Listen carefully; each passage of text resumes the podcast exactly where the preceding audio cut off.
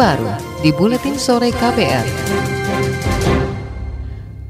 Saudara, pemerintah dikritik karena lamban bergerak untuk mengantisipasi kekeringan akibat kemarau panjang. Setidaknya tujuh provinsi sudah merasakan dampak kekeringan, padahal puncak musim kemarau diperkirakan terjadi pada Agustus hingga September mendatang. Di daerah Jawa, Bali, dan Nusa Tenggara, banyak daerah mengalami krisis air bersih dan gagal panen. Peneliti sekaligus guru besar Institut Pertanian Bogor, Dwi Andrea Santosa, menilai pemerintah terlambat mengantisipasi gagal panen. Pemerintah seharusnya memberikan informasi soal prediksi kekeringan dan mengarahkan petani melakukan penyesuaian pola tanam. Harusnya ini pemerintah yang memberikan informasi itu ke petani dan kemudian menyarankan petani paling tidak musim tanam kedua beralih ke tanaman lainnya yang non padi sehingga mereka masih mendapatkan pemasukan dari itu gitu. Eh, pola tanam yang disarankan untuk menghadapi kondisi sekarang ini harusnya sudah mulai ada bahkan pada akhir tahun 2018 yang lalu. Peneliti pertanian IPB Dwi Andrea Santosa memperkirakan potensi penurunan produksi padi akibat kekeringan tahun ini relatif besar, yakni anjlok 2 juta ton dibandingkan tahun lalu. Hal ini mengingat panen kedua pada Agustus mendatang bersamaan dengan puncak kemarau. Selain itu, produksi padi juga dipengaruhi luas tanam yang turun sekitar 400 ribu hektar dibandingkan tahun lalu. Dia meminta pemerintah mencermati ketersediaan stok pangan untuk mengantisipasi gejolak harga beras. Kementerian Pertanian menepis tudingan lamban mengantisipasi gagal panen di musim kemarau. Dirjen Prasarana dan Sarana Pertanian Kementan Sarwo Edi mengklaim sudah melakukan sosialisasi upaya menghadapi kekeringan kepada kelompok tani dengan menanam varietas padi gogo.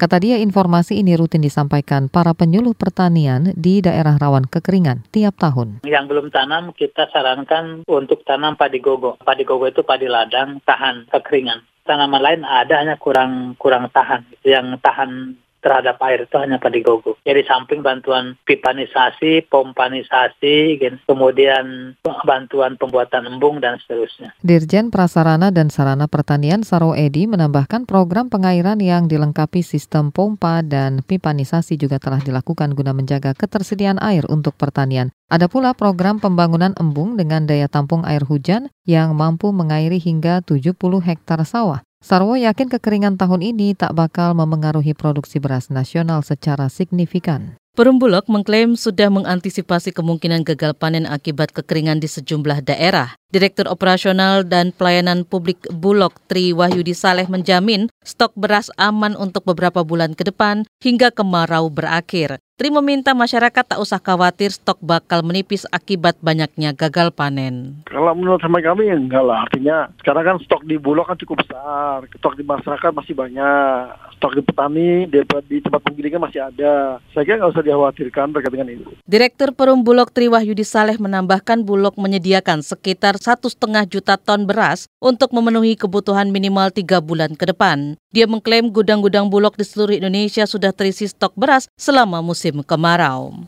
Presiden Joko Widodo menggelar rapat terbatas soal antisipasi dampak kekeringan pada Senin kemarin. Jokowi memerintahkan jajaran Menteri Kabinet Kerja untuk bersiap menghadapi kekeringan yang diperkirakan puncaknya pada Agustus hingga September. Selain kebakaran hutan dan lahan, resiko bencana yang harus diantisipasi adalah kelaparan akibat gagal panen. Jokowi pun memerintahkan agar bawahannya mencari berbagai jurus agar dua bencana itu tak terjadi. Saya juga minta dicek suplai air, baik suplai air bersih maupun suplai air untuk pertanian agar pasokan air terjaga dan risiko terjadinya gagal panen bisa kita hindari. Kalau perlu, kita lakukan modifikasi cuaca, pembangunan sumur bor, Jokowi menyebut musim kemarau tahun ini lebih kering dibanding tahun lalu sebagaimana perkiraan BMKG. Ia meminta para menteri dan gubernur rajin turun ke lapangan untuk memantau persediaan air. Jika pasokan mulai menipis, Jokowi ingin agar mereka sigap membuat kebijakan seperti modifikasi cuaca.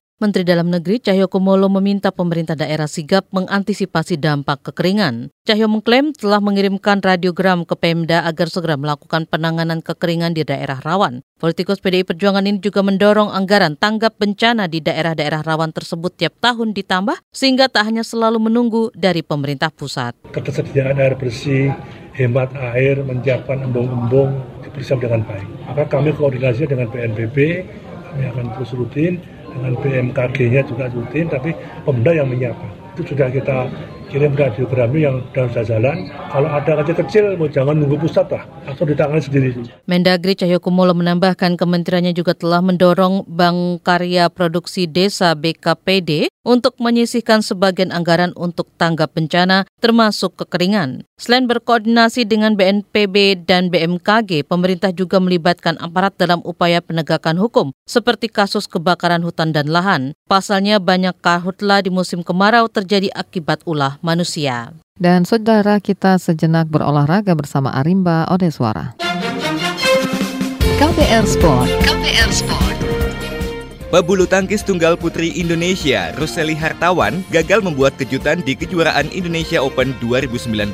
Di babak pertama, Roseli langsung kandas di tangan pemain unggulan asal Thailand, Ratchanok Intanon. Roseli kalah dua set langsung, 14-21, 14-21. Sejumlah pemain tuan rumah juga akan berlaga di hari pertama Indonesia Open, di antaranya tunggal putri Gregoria Mariska Tunjung, tunggal putra Jonathan Christie, dan Anthony Ginting, serta ganda putra Marcus Gideon Kevin Sanjaya. KPR Sport. Presiden Brasil Jair Bolsonaro menanggapi tudingan bintang Argentina Lionel Messi terkait Copa America 2019.